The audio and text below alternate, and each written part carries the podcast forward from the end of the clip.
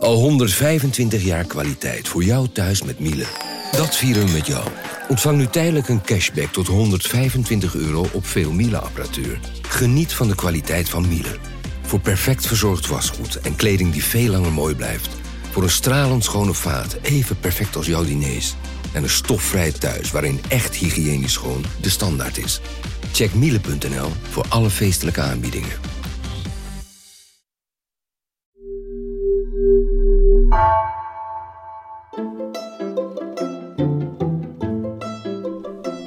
Welkom. Wij zijn Onbaarde Apen. Dit is een podcast van NRC over wetenschap.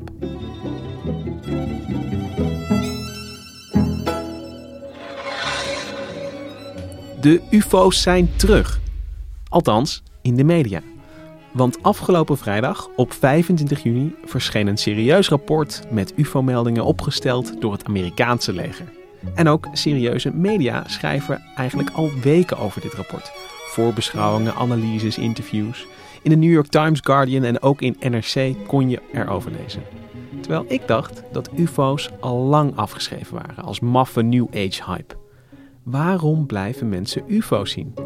Mijn naam is Lucas Brouwers en vandaag verkennen we de wereld van ongeïdentificeerde objecten in de lucht samen met ruimtevaartjournalist Bruno van Waaienburg en antropologie-redacteur Hendrik Spiering.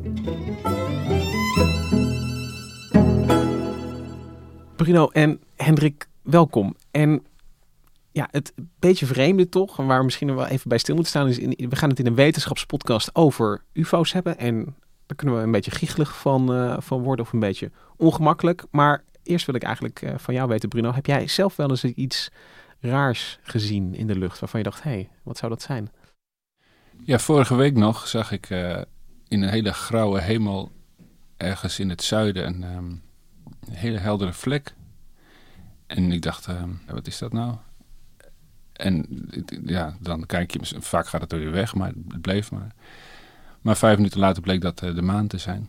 Die, die uh, door de wolken scheen op een beetje vreemde manier. Dus ja, dit, dat soort dingen zie je wel, wel vaker, denk ik. Dat je denkt, hé, hey, wat is dat?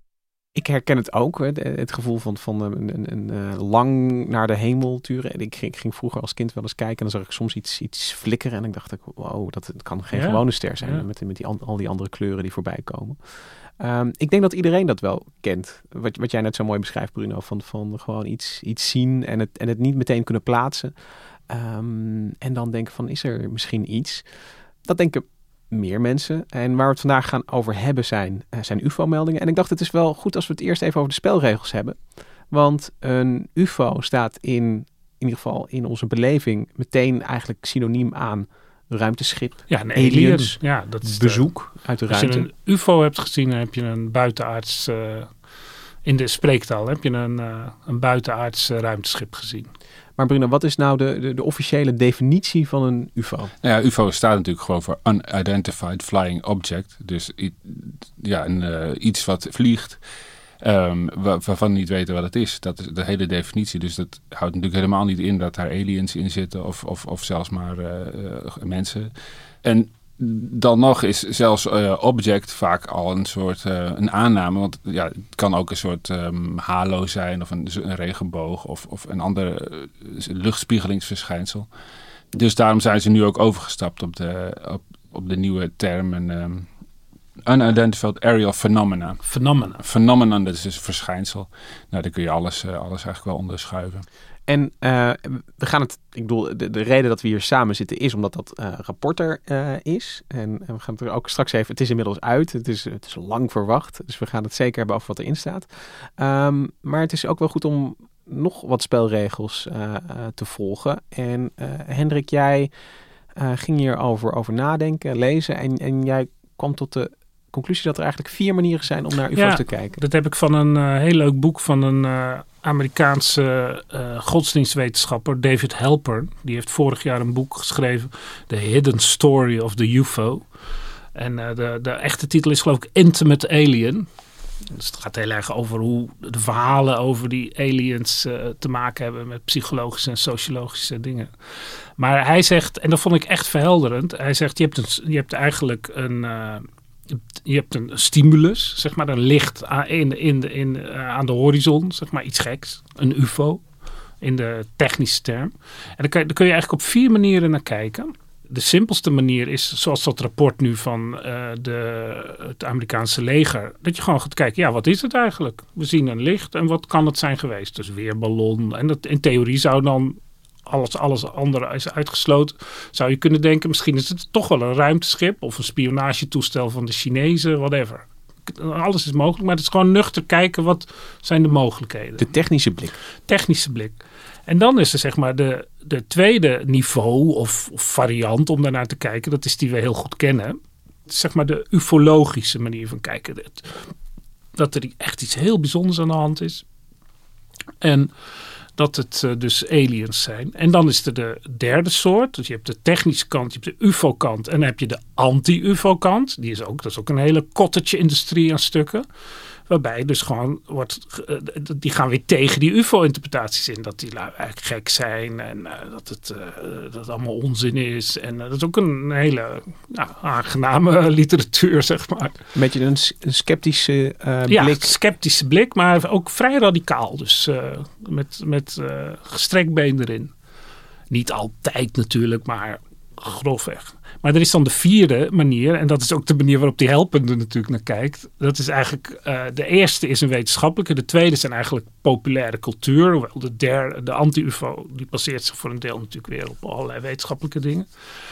Die, dat is de manier waarop je kijkt van ja, oké, het gaat eigenlijk helemaal niet meer over die stimulus, maar wat zijn nu eigenlijk de verhalen die erover gemaakt worden? Wat is de populaire cultuur, de folklore, de religies. Er zijn ook hele religies ontstaan over de UFO. Wat zijn de bronnen? Waarom, hoe, hoe kunnen mensen zover komen dat ze dat werkelijk denken? Dat is een soort antropologische blik op uh, zeg maar UFO-verhalen die mensen vertellen. Ja, er is, en, en dit jaar, nu net, is er bij Bril, een hele deftige wetenschappelijke uitgave uitgever is ook het Handbook of UFO Religion verschenen. Waarin dus uit alle culturen wordt allemaal gekeken naar uh, uh, wat voor UFO-religies er zijn ontstaan. Dus het is een hele, hele andere manier van kijken. Dus dan gaat het helemaal niet meer om of het nou een weerballon was of niet.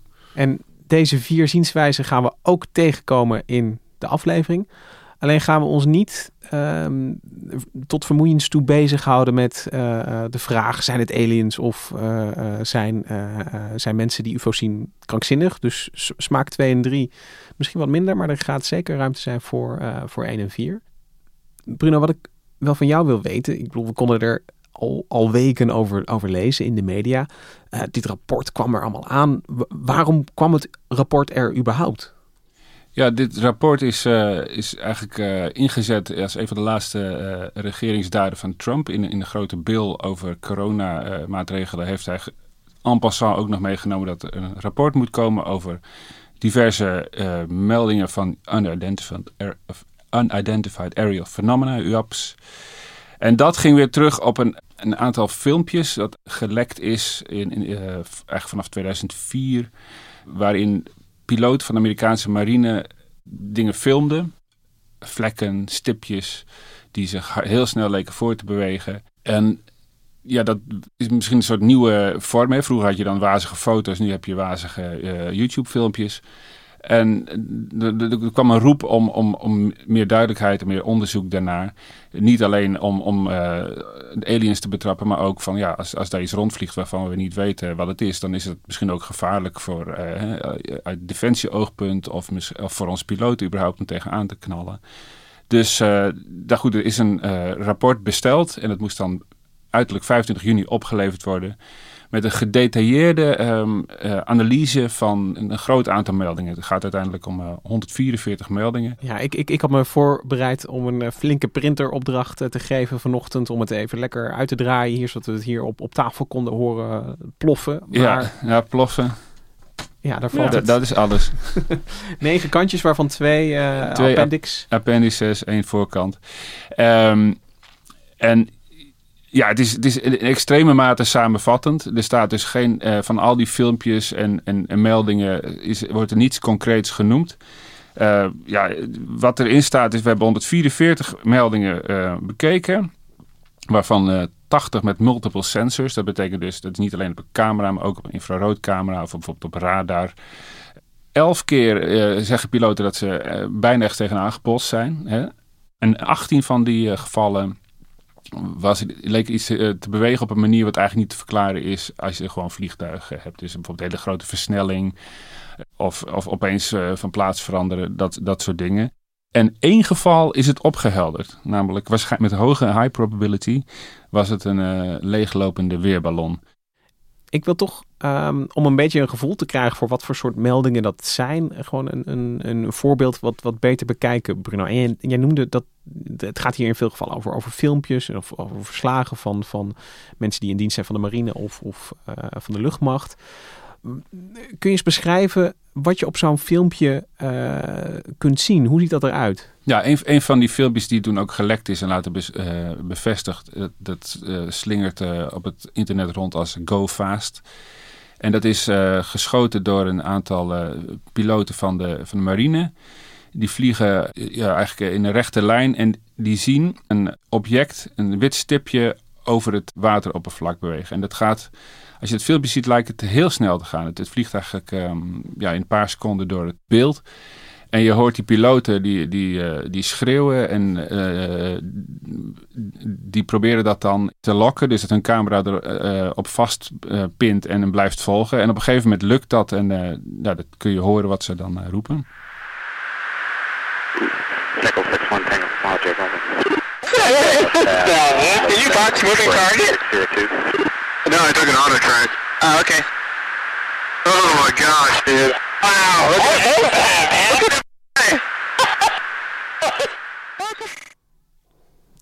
Grote opwinding. Waar, waarom, zijn ze zo, waarom zijn ze zo blij? Ja, nou ja, goed. Zo klinkt het ook als ik aan het gamen ben. Uh, het is twee enthousiaste mannen die, uh, ja, die het gelukt is om iets te pakken te krijgen. Ja, dus die misschien ook al vijf uur over die oceaan aan het vliegen zijn ook. Maar ja, het is een soort, uh, soort opwinding van... hé, hey, ik zie iets, het is gelukt uh, om dat uh, te pakken te krijgen. En ja, dit is eigenlijk zo'n beetje het hele filmpje. het gaat nog een poosje door. En ja, eigenlijk, en dan schakelen ze naar een infraroodcamera... en dan zie je het eigenlijk als een zwart stipje. En dat betekent dat het koud is. Dus dat het een, um, niet een vliegtuig kan zijn... want die hebben natuurlijk een hete, hete straalmotor. En dat, ja, dat maakt het dan nog weer raadselachtiger. En dan schakelen ze weer terug. En, en, en, dat, is, dat is wat je ziet.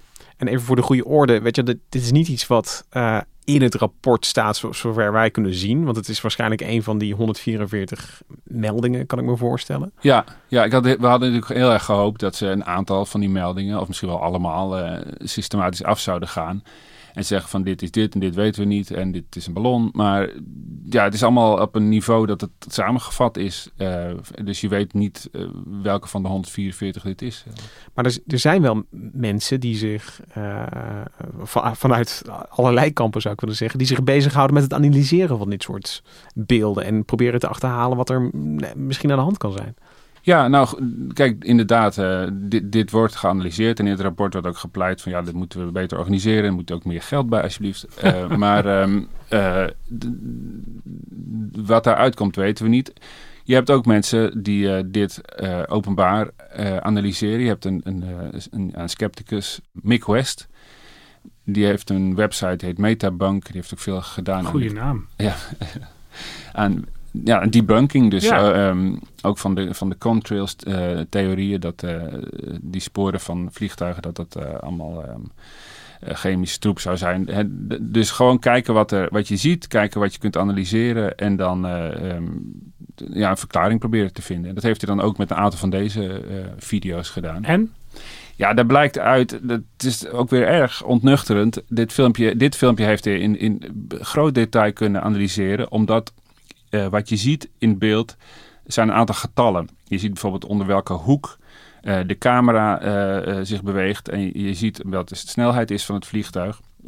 En, en, en nog wat van die getallen. En dat, kan hij eigenlijk keurig uitplotten hoe die vlucht gaat. En ook op welke afstand dat, dat object zich bevindt van het vliegtuig. En als je dat dan gewoon netjes uitrekent met, met middelbare schoolwiskunde, dan zie je dat die dat dat stipje niet vlak boven het water zit, maar ongeveer halverwege uh, op de helft, de helft van de hoogte waar het vliegtuig op vliegt. En je kijkt dus door een telelens. Dus je kijkt eigenlijk min of meer door een soort uh, wc-koker. Dus als je dat gaat volgen, zo'n ding wat uh, onder je doorvliegt, terwijl je zelf ook een flinke snelheid hebt, dan natuurlijk schuift die zee ja. ogenschijnlijk voor jou heel hard daar on, onderdoor. Als je denkt dat het, dat, dat um, die stip vlak boven de zee zit, dan, dan ziet het er inderdaad absurd uit. Dat lijkt die waanzinnig snel te gaan. Ja, precies. Ja. Maar als je, als je weet dat dat halverwege zit dan, dan, en je rekent die snelheid uit, dan is het ja, 40 knopen. Wat gewoon niet zo heel. Dat is ongeveer ja, de windsnelheid. Dus hij zegt waarschijnlijk is het een ballon. En dat klopt dan ook met dat het infrarood. Uh, dat het een zwart stipje is. Dus zo'n ballon wordt niet heet. Uh, en dat is eigenlijk alles. Ja, wat, ah, ja. wat we erover kunnen zeggen. Uh, wat, wat meer hebben we niet, maar dat is de meest waarschijnlijke verklaring. Ik merk nou dat ik zelf ook al helemaal in die UFO-opwinding zit. Dat ik echt denk, jammer. Ja. is, het, het, je wil zo graag dat het iets fascinerends is. Dan is het ja. dan, ik zit wel gelijk te denken, waar komt die ballon dan vandaan en zo. Maar dat is een heel ander soort verhaal natuurlijk. Ja, nou, dat zijn weer ballonnen. Dus die, ja. dat, uh, die gaan met de sensor en af en toe gaat het stuk en gaat het aan, aan de wandel. Uh, ja heel veel van die, van die filmpjes, de, de, metingen kun je dus misschien verklaren, maar misschien ook niet. Misschien is er te weinig informatie. Um, maar de opwinding, in ieder geval als je, uh, als je, als je kranten leest of, of tv-kijker bent, die, uh, die was best wel groot. En dan is toch een beetje de vraag, maar een overheid, Amerikaanse overheid, kijkt hier uh, serieus naar. En, en van zou, zou dit misschien het moment zijn dat we iets te weten komen? En ik, ik, ik ben wel benieuwd, is het bijzonder dat een overheid zo'n rapport bestelt en openbaart?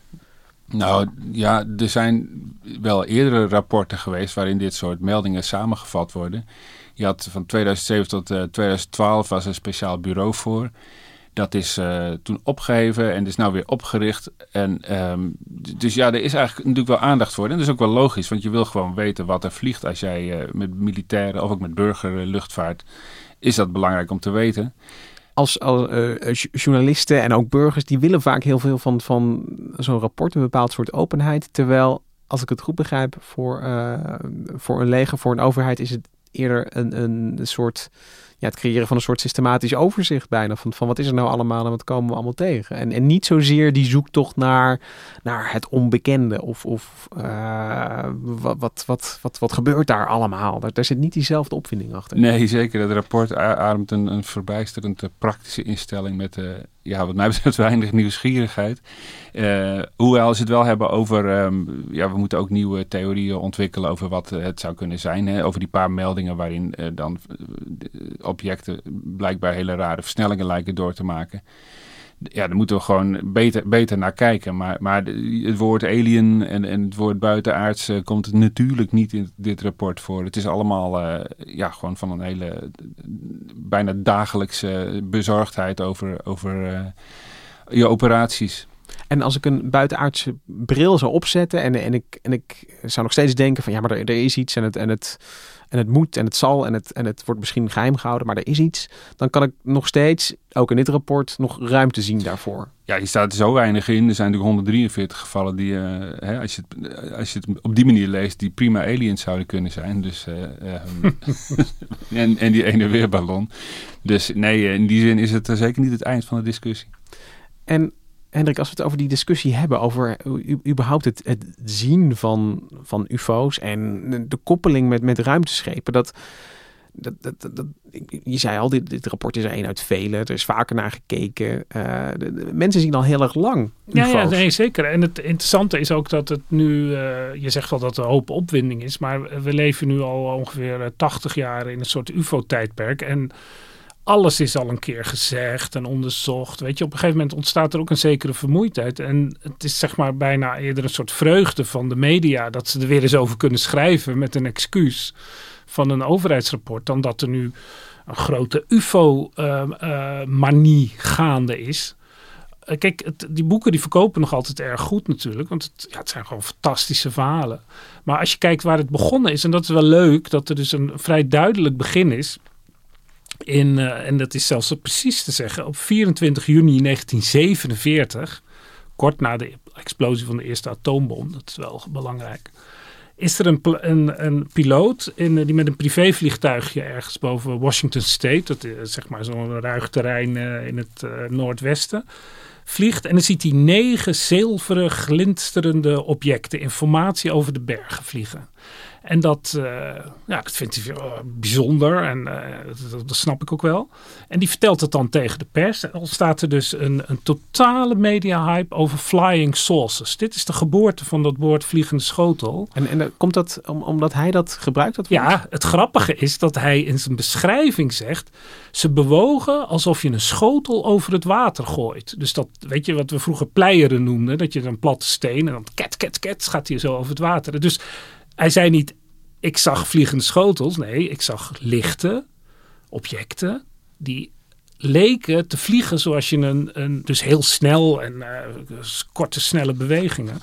En dan ontstaat dus een, een, een, een, een totale media-hype. Het grappige is dat dan twee weken later een heel klein media-hypeje is in Roswell. Alle ufologen kennen dat dat er dan een, op de plaatselijke luchtbasis is er een, eh, een officier die zegt, nou, uh, we hadden zoveel over die eh, flying saucers te horen de afgelopen weken. Wij hebben er een gevonden. En twee uur later komt er dan een hogere officier die zegt, nee, nee, dat is onzin, dat is een weerballon. En als je die foto's ziet, denk je ook, ja, maar ik heb die foto's nog zitten bekijken. Je denkt toch, het kunnen ook vervalst zijn natuurlijk. Je denkt, weerballon. En daarna is Roswell eigenlijk, speelt eigenlijk geen rol tot in de jaren zeventig, dan duikt dat ineens weer op. Nu denk je, het zit vlak bij elkaar. Maar, het speelde toen geen rol. Maar het is dus eigenlijk iemand die in de jaren 40 dus een beetje een grapje maakt naar die media-hype van uh, een, een, beetje een, een, verwijzing naar die nee, ik denk dat, dat, denk dat ze dat echt dachten. Want kijk, wij zijn nu gewend aan dat, ja, ja de ufo's, waar, waar, het hele verhaal kennen. Weet je, als je de drie boeken over gelezen hebt, dan, dan ken je dat hele verhaal of, of, twee krantenberichten. Maar toen was het natuurlijk iets nieuws. En er was ook, uh, als je ziet hoe dat verder gaat, in die hele jaren 50 is dat een, een, een serieuze kwestie. Want uh, ik denk niet dat het Amerikaanse leger of andere autoriteiten werkelijk dachten dat er aliens waren. Maar het zou best het was de tijd van de Koude Oorlog. Misschien zijn het wel Russische eh, geheime toestellen. Het was zo weinig bekend. En, en waarom gebeurt dat in de jaren 50 dan? Je zegt dan van, van dat, is, dat is die tijd van, van technologische onzekerheid eigenlijk. Heb je het over? Ja, je kan eigenlijk twee dingen... Uh, twee, twee stromingen zie je. Je ziet een, een, een hoge technologisering en een, een, een, met, door de Tweede Wereldoorlog heel veel vliegtuigen ineens, heel veel, alles is mogelijk. De atoombom, weet je, dat zijn, daar zijn we nu ook aan gewend. Maar dat was natuurlijk een onvoorstelbaar iets. Dat het überhaupt, mensen hadden niet eens van kwantummechanica gehoord. En dan is er ineens zo'n bom. Sputnik. In Sputnik krijg je dan ook. Dus, ja. ja, dus je krijgt die, die, allemaal van die dingen in de tijd dat het... Kijk, wij weten nu dat ze in, uh, in de jaren zeventig voor het laatst naar de maan zijn gegaan. En dat, uh, dat er verder niks meer gebeurt. Maar toen lag de toekomst wat dat betreft nog open. En je hebt ook die... Uh, die science fiction boeken die daar natuurlijk op inspelen. Maar het is ook een andere stroming en die, die, raken elkaar eigenlijk. Je hebt zeg maar die, die hoge technologie, de verwachting dat alles uh, anders zal worden. En je hebt uit de 19e eeuw, eigenlijk al uit de 18e eeuw, heb je stromingen die eigenlijk uh, esoterisch worden genoemd. Dan heb je bijvoorbeeld in de 18e eeuw heb je al uh, de Zweedse mysticus Swedenborg, die dan in zijn visioenen praat met inwoners van Venus. Dat wordt dan voortgezet, dat soort ideeën. Het is een soort expansie van, van religieuze dimensies natuurlijk. Hè. Dus je kan het niet christelijk noemen. Mensen beschouwen zich wel als christelijk. Maar ja, was een enorme explosie van fantasie. Dan krijg je het Theosofische Genootschap. Met ook dat ze met astrale reizen naar Venus gaan doen. Um, de, de, de, de UFO-mythe kon dus alleen ontstaan in, in de jaren 40 in de technologische wereld. Maar ik vraag me dan wel af wat er dan daarvoor gebeurde met mensen die iets, uh, die iets geks zagen in de lucht. ik ben zo blij dat je deze vraag stelt. Want er is, als je erop let, is er namelijk een totale golf van allerlei dingen. Bijvoorbeeld uh, in de Bijbel staan ook allerlei ooggetuigenverslagen, zou ik maar even zeggen. Maar visioenen. En bijvoorbeeld Ezekiel, beroemde visioen van Ezekiel, daar begint het ook mee. Dit is wat ik zag. Een stormwind komende uit het noorden. Een grote gloeiende wolkenmassa. Een vuur van bliksemflitsen. En daar middenin zag ik iets dat glansde als wit goud. In het midden van het vuur zag ik iets dat leek op een viertal wezens. Zo zagen ze eruit. Ze, ze leken op mensen, maar ze hadden elk vier gezichten en vier vleugels. Ja, is dat een UFO of niet? En, maar ook in, je kunt het overal vinden. Mijn favoriet is een, een verhaal uit de Carolingische tijd. Rond 815 is er een, een bisschop. Agobart heet hij dan, uh, van Lyon. En die beschrijft, die schrijft over het weer. En uh, hagelbuien. En dan terloops beschrijft hij ook dat, dat er allemaal boeren zijn die geloven dat er uh, luchtschepen zijn die aankomen vliegen met bewoners van het land Magonia. En die uh, vernietigen dan de oogst voor hun. En die werken samen met tovenaars op de grond. En uh, het wordt een heel gek verhaal. Maar hij vindt dat natuurlijk allemaal heidense ketterij. En hij is zelfs nog bij een proces van mensen die dan uit die, uit die, uit die boten zouden zijn gevallen. Heel verhaal. Dus ja, is dat een ufo of niet? Je zou het, het zou kunnen, zou, Ja. zou, zou je dan zeggen als... als eh, Ja, en dat vind ik ook, het- als je, als je 16 van die, van die verhalen achter elkaar leest. En die, die UFO-boeken die zijn ook heel meeslepend geschreven. Dan denk je dan, wat ik net ook had, dat je dan, ja, jammer dat er dan weer iemand is die zegt dat het een weerballon is. I want to believe. Ja, I want to believe. En dan, dan zit je dus in feite, ik denk, ik ben er ook een beetje gevoelig voor. Dan zit je in een soort religieus universum. Van, van dat wat- vond ik wel in welk verhaal wil je leven? Want, want, je noemde aan het begin al even dat, dat eh, eh, UFO Religion Handbook. Er zijn dus mensen die eh, het, het, de, de, de UFO-mythos beschouwen als een religie. En, Ja. en dus als dusdanig dus beschrijven. Dus hoe, hoe zou je dat... Neem ons even mee met, met, met die bril op. Hoe, hoe kijkt een antropoloog naar UFO-verhalen? Het interessante is dus dat ze ervan uitgaan dat het geen aliens zijn. Dat moet wel even gezegd. D- er is natuurlijk geen positief bewijs dat het aliens zijn. Dus maar waarom geloven die mensen, zijn er zoveel mensen gevoelig voor? En je hebt natuurlijk een hele range van, van eh, mensen die, die, die gevoelig zijn voor het verhaal, maar denken, ja, nee, dat kan toch eigenlijk niet. En wat ze, wat, ik heb nu een paar van die boeken gelezen. Dat van die Helpern is erg goed. Het is een beetje eh, Freudiaans, Jungiaans. Maar dat, geeft niet, want hij ziet allerlei interessante eh, parallellen. Bijvoorbeeld, wat, wat gebeurt er eigenlijk op het moment dat die mensen dat zien? En dan analyseert hij verhalen uit het verleden, maar ook uit, dus eh, zeg maar uit de 17e eeuw. Maar waar dan eh, genoeg eh, verhaal bij is. Maar ook bijvoorbeeld een, een verhaal, eh, zeg maar de oerabductie van de, uit de ufologie. Dat is een verhaal wat in 1961 door een psychiater op grond van getuigenverklaringen van twee mensen die echt problemen hadden met wat ze meegemaakt hadden. En die gaat hij dan onder hypnose ondervragen. En die komen met de gekste verhalen over die eh, ontvoering. eh, Die eh, midden in de nacht als ze een keer naar huis rijden. En is ook twee uur uit hun geheugen weg. En dan zijn ze dus medisch onderzocht door aliens. Dat, dat, dat blijkt. Daar zijn ze zelf ook verrast van dat ze dat vertellen. Het komt dan onder, onder hypnose naar voren. Maar hij legt dan. Dan kan je zeggen, nou interessant. Hoe betrouwbaar is dat? Hij zegt, het gaat dus niet om is het waar wat er is gebeurd, maar waarom vertellen ze dat verhaal? Welke achtergronden heeft dat? En in dit geval ziet hij hele duidelijke uh, banden met enorme stress uh, door het racisme uh, van de wereld waarin die mensen toen leefden, begin jaren 60 in Amerika. Die man bij die psychiater is zwart en die is met een witte vrouw getrouwd. En dat leidt, ze houden zo heel goed huwelijk. Alleen de omgeving is behoorlijk vijandig daartegenover. En hij ziet dus allerlei dingen van de Ku Klux Klan, uh, verhalen over uh, kettingen, uh, slavernijschepen. Ziet hij in dat verhaal van die man. Het is ook een ontwikkelde man, die kent zijn geschiedenis. Dus ja, de stress uit zich in zo'n verhaal. Hij heeft op dezelfde manier van een, uh, een bepaalde Joodse secte in de 17e eeuw. Die heeft ook zo'n vergelijkbare ervaring dat er aliens bij hem op bezoek komen. Die spanning van dat leven van die mensen kun je dan zo verklaren. En dat kun je op een hoger niveau.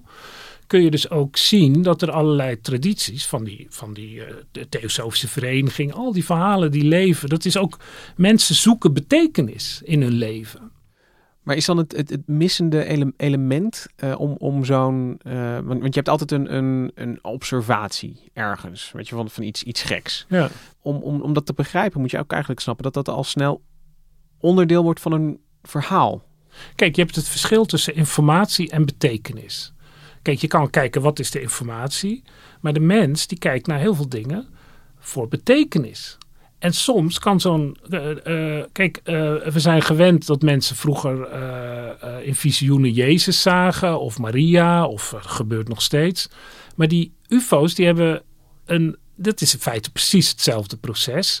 De, de, neurologisch is daar niet zoveel aan de hand, want de mens is bijzonder goed in het, het, het, het krijgen van hallucinaties, om ze zo te noemen. Dat is een beetje een onvriendelijk woord, maar visioenen. Dingen eh, zien die anderen niet zien, omdat eh, het hele observatiesysteem wordt ook beïnvloed door wat je weet, wat je wil zien. En zo kan het zijn dat een waarneming eigenlijk meteen in een onderdeel om- wordt van, van een verwachting, van een, van een verhaal, Ja, eh, van een groter narratief. Ja, dus. en de anti-ufologen, zeg maar groep 3 in die indeling die we hebben gemaakt, de debunkers, die zeggen ja, het is een hallucinatie, is niet waar. En daar hebben ze dan denk ik ook gelijk in. Alleen, als je met een antropologische, psychologische blik, dan zie je hoe mensen eh, eh, eh, leven in een verhaal. Het is voor een deel ook waar we het ook wel eens eerder over gehad hebben in die folklore aflevering, acting out the story. En ja, het verhaal van koude wetenschap, daar kan je heel makkelijk mee aankomen. Maar als je tegen de buurman vertelt dat je net een kabouter hebt zien lopen, ja, dat doe je niet zo gauw. Terwijl het misschien wel gebeurt. En is is dat ook zo voor die piloten? Is, is, die zijn toch niet op zoek naar een, een, eh, een, een ruimteschip op hun camera's? Nee, die zien natuurlijk iets onverwachts. Maar wat jij net zei, Hendrik, van dat, je, dat wat je denkt te zien heel erg stuurt wat je ziet. Dat, dat zie je ook op een hele droge manier dan weer terug bij die piloten. Die, die kijken dus eigenlijk door met een telelens. En zo ben je normaal gewend, niet gewend om te Nee. kijken. En zelfs als je weet dat het een eh, object is wat halverwege zit, kun je dat eigenlijk niet voorstellen. Dus eh, eh, vaak zie je, als je een illusie wordt uitgelegd, dan kun je opeens je hersenen omklikken en dan zie je het. Maar als ik naar het filmpje kijk, ik, ja, ik, weet dat het waar is. Ik weet, ik weet dat het zo uitgerekend kan zijn, maar toch zie ik iets wat heel laag over de, over de water scheert. Dus eh, ja, wat je weet en wat je, hoe je gewend bent te kijken, eh, blijft gewoon eh, invloed hebben op wat Ja. je ziet. En kijk, wat die piloten melden aan hun, eh, aan hun basis is niet, we hebben een UFO. Ja, eh, we hebben een UFO gezien. We hebben geen ele, zeggen niet, we hebben een vliegende schotel gezien. We hebben iets onverklaarbaars gezien. Maar er zit dus heel weinig interpretatie op. Maar als je dus een UFO-melding of een, een, een UFO-verhaal wil begrijpen, is het dus niet genoeg om eh, de natuurlijke wereld heel goed te kennen. Dus, dus hoe eh, licht per se reageert met ijskristallen, dat is maar één deel. Je moet ook die menselijke kant heel goed begrijpen om te zien hoe, eh, hoe wij zaken waarnemen. Maar ook eh, hoe zo'n waarneming verder kan uitgroeien tot een, tot een verhaal. Ja, en hoe nu in onze samenleving die, die, die, die, dat UFO-geloof, tussen aanhalingstekens, ja, eh, gewoon een, een, een normale rol speelt. En het is zeg maar onderdeel van, ja, en dat, dat is ook zo'n woord wat een beetje eh, kinderachtig klinkt, maar zo bedoel ik het helemaal. Van de folklore, van de verhalen die leven in onze samenleving. En dat is ook onderdeel natuurlijk van de strijd tussen eh, eh, verschillende groepen mensen, de sceptici en de gelovigen. En dat is ook allemaal heel goed te begrijpen. Maar tegelijkertijd, als je dat van een afstandje bekijkt, is dat gewoon onderdeel van ons, ja, onze collectieve verbeelding. Maar stel ik zou, nee, ik, ik, ik zou wel in, in ruimteschepen, bezoekers van buiten, weet je, van ik, ik, ik, ik neem dat heel serieus. En ik zou nu naar dit gesprek luisteren. Dan zou ik denken van ja, jullie nemen het niet serieus, want, want jullie gaan, hè, het, het, het, klinkt heel mooi dat het in een ver- ver- verhaal past, maar eigenlijk zeg je daarmee dat, dat, dat die waarneming niet klopt of ja, dat het in niet feite is. zeg je dat. Ja. Dat is de diepste eh, ondergrond, maar dat betekent niet dat het, dat het niet waardevol is. En ik, ik, ik heb eh, bij het begrijpen van wat er gebeurt, heb ik eigenlijk steun aan twee eh, totaal verschillende mensen die daar iets over gezegd hebben. De eerste is Enrico Fermi, die de beroemde uitspraak, we hebben het hier volgens mij ook al eens eerder in een podcast over gehad, gaat het over aliens en dan zegt hij, where are they? Waar zijn ze dan? Want als je namelijk goed gaat uitrekenen, dan kun je eh, met bepaalde aannames uh, wel delen. Er moet, moet intelligent leven zijn in, in, in, het, uh, in onze galaxy, in ons sterrenstelsel. En als je dat gaat rekenen, dan is het binnen 300 miljoen jaar, wat kosmisch gezien heel weinig is, is het best mogelijk om de hele melkweg te verkennen. Dus dan zouden ze hier moeten zijn. Eh, wat gek, ze zijn er niet. Dus dat is een heel duidelijk argument dat er misschien wel helemaal geen uh, aliens zijn. En ze hadden er al moeten zijn geweest. Ja, ze hadden er al lang moeten zijn geweest. En de UFO-mensen zeggen, ja, maar die, ze zijn er ook geweest. Lees Ezekiel. Toen waren ze er al. En uh, de andere is van, uh, zeg maar, eigenlijk de interessantste ufoloog die ik ken, Jacques Vallée. Hij leeft nog steeds, hij is denk ik in de negentig. Een Fransman die in Amerika ook bij de NASA heeft gewerkt. Is eigenlijk een planeetonderzoeker, een astronoom. En die had zelf allerlei ervaringen ook met ufo's. En die was eerst zeg maar helemaal in de jaren zestig op dat ufo-vlak. En die dacht op een gegeven moment, uh, het zijn wel erg veel ufo's. Zeg maar het omgekeerde van wat Fermi zegt eigenlijk hoe logisch is het dat die UFO's altijd een raar lichtje zijn wat je niet goed ziet? Uh, verschijnen in het donker op een, uh, op een weg waar verder niemand is. Behalve die ene man die, die dan die ervaring heeft. En zo zijn er, het zijn er gewoon te veel om logisch te maken dat het inderdaad aliens zijn. Dus hij heeft dan een, een, een, beetje, gaat dan, hij baseert zich dan eigenlijk helemaal op die theosofische traditie. En hij zegt, het zijn eigenlijk geen UFO's, maar het zijn die UFO's eigenlijk een, bijna samenzweringstheorie om het uh, nog hanteerbaar te maken. Maar het zijn eigenlijk hogere werelden die niet per se gunstig hoeven te zijn voor de mens, die in contact met ons komen en ons proberen te beïnvloeden. Dat doet er nou niet zoveel toe. Ik wil het wel even zeggen, want Jacques Vallée, Jacques Vallée is een hele interessante, maar wel iemand in die hoek. Maar zijn eerste observatie is van er, er zijn gewoon te veel uh, gekke, ja. obscure meldingen om voor een serieus fenomeen. Ja, er moet iets anders achter zitten. Ja. ja waarom melden ze zich niet gewoon netjes bij de Europese Commissie ja. of zo? Ja, of, of, of valt dat er eens een motor afvalt of zo. Ja, Wat, Ik bedoel, het zijn, ook, het zijn ook mensen, bij wijze van, maken ook fouten. Ze maken nooit een foutje. Nou, het gaat nooit, het gaat altijd goed. En um, die andere kritiek van, van het wordt niet, um, de wetenschap neemt het niet serieus. Van, van uh, um, dat is meer, meer een vraag voor jou, Bruno. Maar waarom doet de astronomische gemeenschap of uh, de, de luchtvaarttechnici niet veel meer moeite om al die, nou ja, in dit geval 144 meldingen helemaal uit te pluizen? Want het, je zegt het zelf, het is een beetje een teleurstellend rapport. Het wordt een beetje, ja, je kunt niet echt zien hoeveel moeite er is gedaan. Maar gevoeld is er weinig moeite gedaan. Ja, dat, dat, dat is ook mijn indruk. Maar ik zei ook, dit, dit, dit zijn geen wetenschappers. En, en veel van die uh, de details van die rapporten zijn dus niet openbaar, behalve dan die paar filmpjes. En die zijn ook redelijk uh, ja, geanalyseerd door ja, meer door uh, die bunkers. Dus, maar die gewoon wel ook wetenschappelijke methoden gebruiken om, om een, een idee te krijgen van wat, wat er dan wel gezien is. Dus ja, daar is wel, wel belangstelling voor. En natuurlijk, hè, we hebben eigenlijk in de afgelopen twintig jaar is duidelijk geworden dat, dat er heel veel eh, planeten buiten ons zonnestelsel zijn. Eh, buiten ons zonnestelsel zijn. En dat op een aantal van die planeten de, de omstandigheden best eens heel gunstig zouden kunnen zijn voor, voor het leven. Um, en daar zijn, wordt ook naar, naar gezocht. Dus mensen zoeken naar zuurstof of uh, CO2 of wat dan ook in, in die atmosferen van, van uh, exoplaneten. En ja, wie weet levert dat een keer iets op waarvan je zegt... ja, dat is wel heel moeilijk te verklaren als er niet uh, in ieder geval een soort van bacterieel leven is. Je zegt eigenlijk er wordt serieus moeite Er wordt serieus moeite gedaan, maar niet naar die lichten die we hier, hier zien... maar, maar wat we in het heelal zien... Alleen de sprong, hè, jij zei net van als er, uh, Hendrik, eh, als er, um, je kunt de kans uitrekenen wat er, eh, wat, dat er beschavingen zouden zijn met technologie. Ja. Ik, ik, denk dat dat echt een totale slag in de lucht is uh, om te zeggen wel, hoe groot de kans is uh, ja. dat, dat ja. bacteriën oké, maar dan ben je nog niet bij, bij ruimteschepen. En uh, dat is, dat, ja, dat, volgens mij hebben we echt geen flauw idee. Nee, daar hebben we geen flauw idee van. En, en ja, je kunt, je kunt daarover redeneren. De, het beste bewijs is dat het moeilijk voor te stellen is dat wij hier op aarde uniek zijn. Maar als je nu naar ons kijkt, ja, wat kunnen we? Uh, het duurt tien, tien jaar om aan, uh, naar Pluto te, te vliegen met een raket, die uh, voor mensen bijzonder onveilig zou zijn geweest.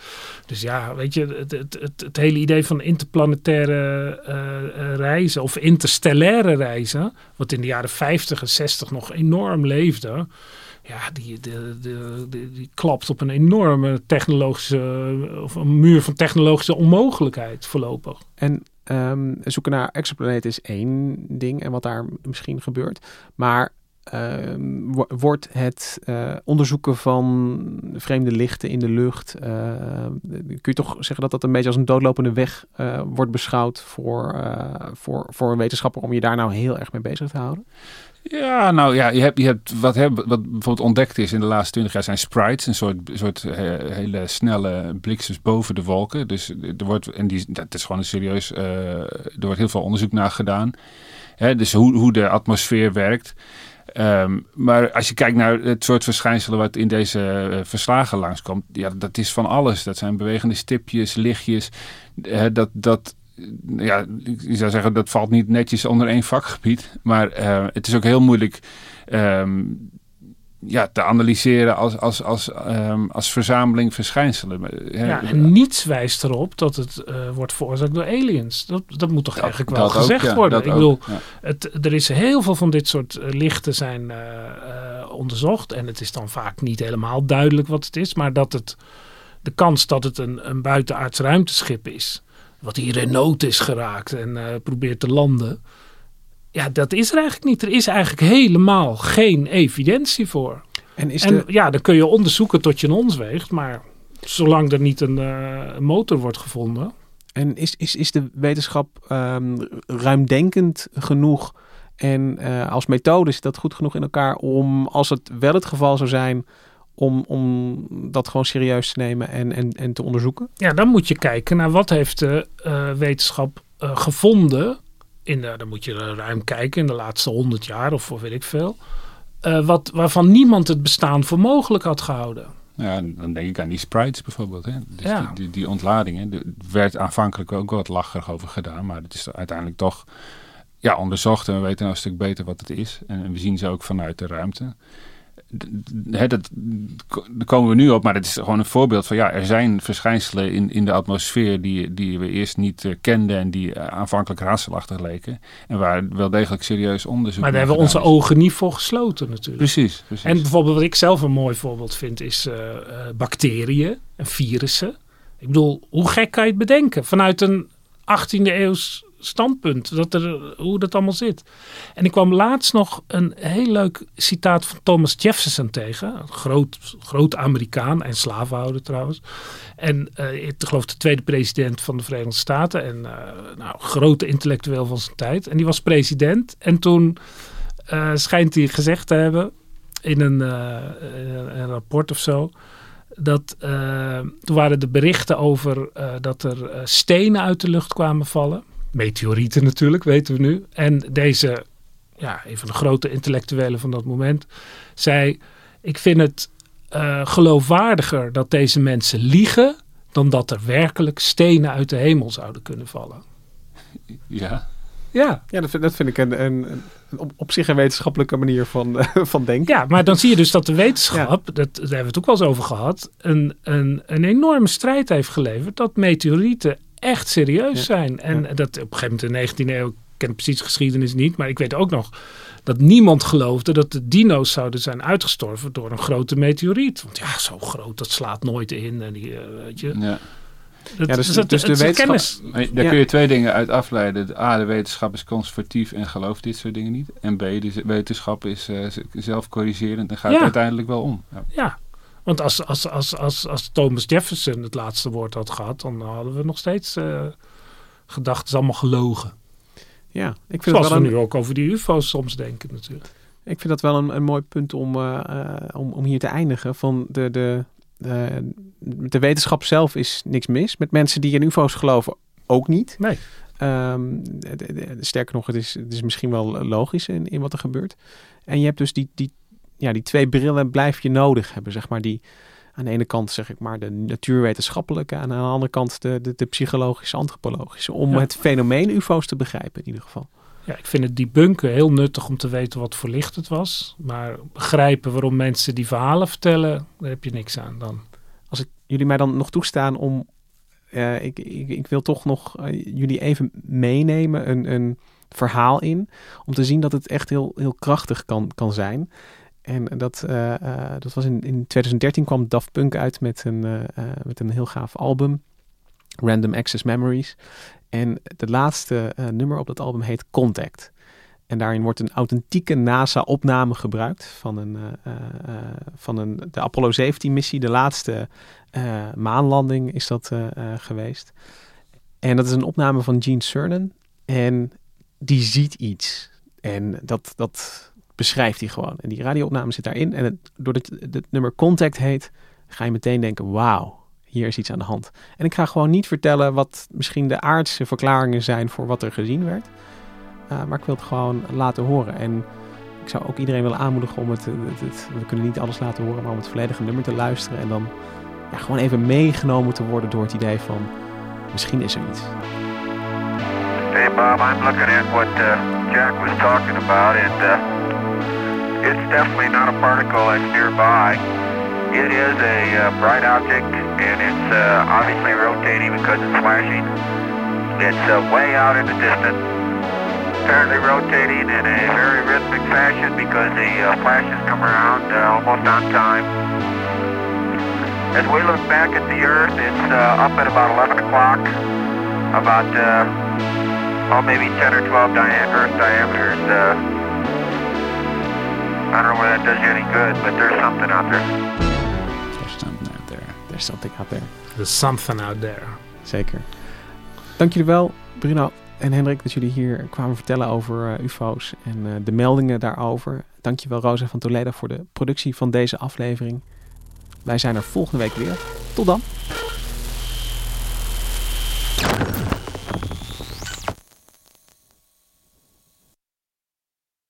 Technologie lijkt tegenwoordig het antwoord op iedere uitdaging. Bij PwC zien we dit anders. Als we de potentie van technologie willen benutten, kunnen we niet zonder een menselijk perspectief. Human-led, tech-powered noemen we dat. Ga naar pwc.nl.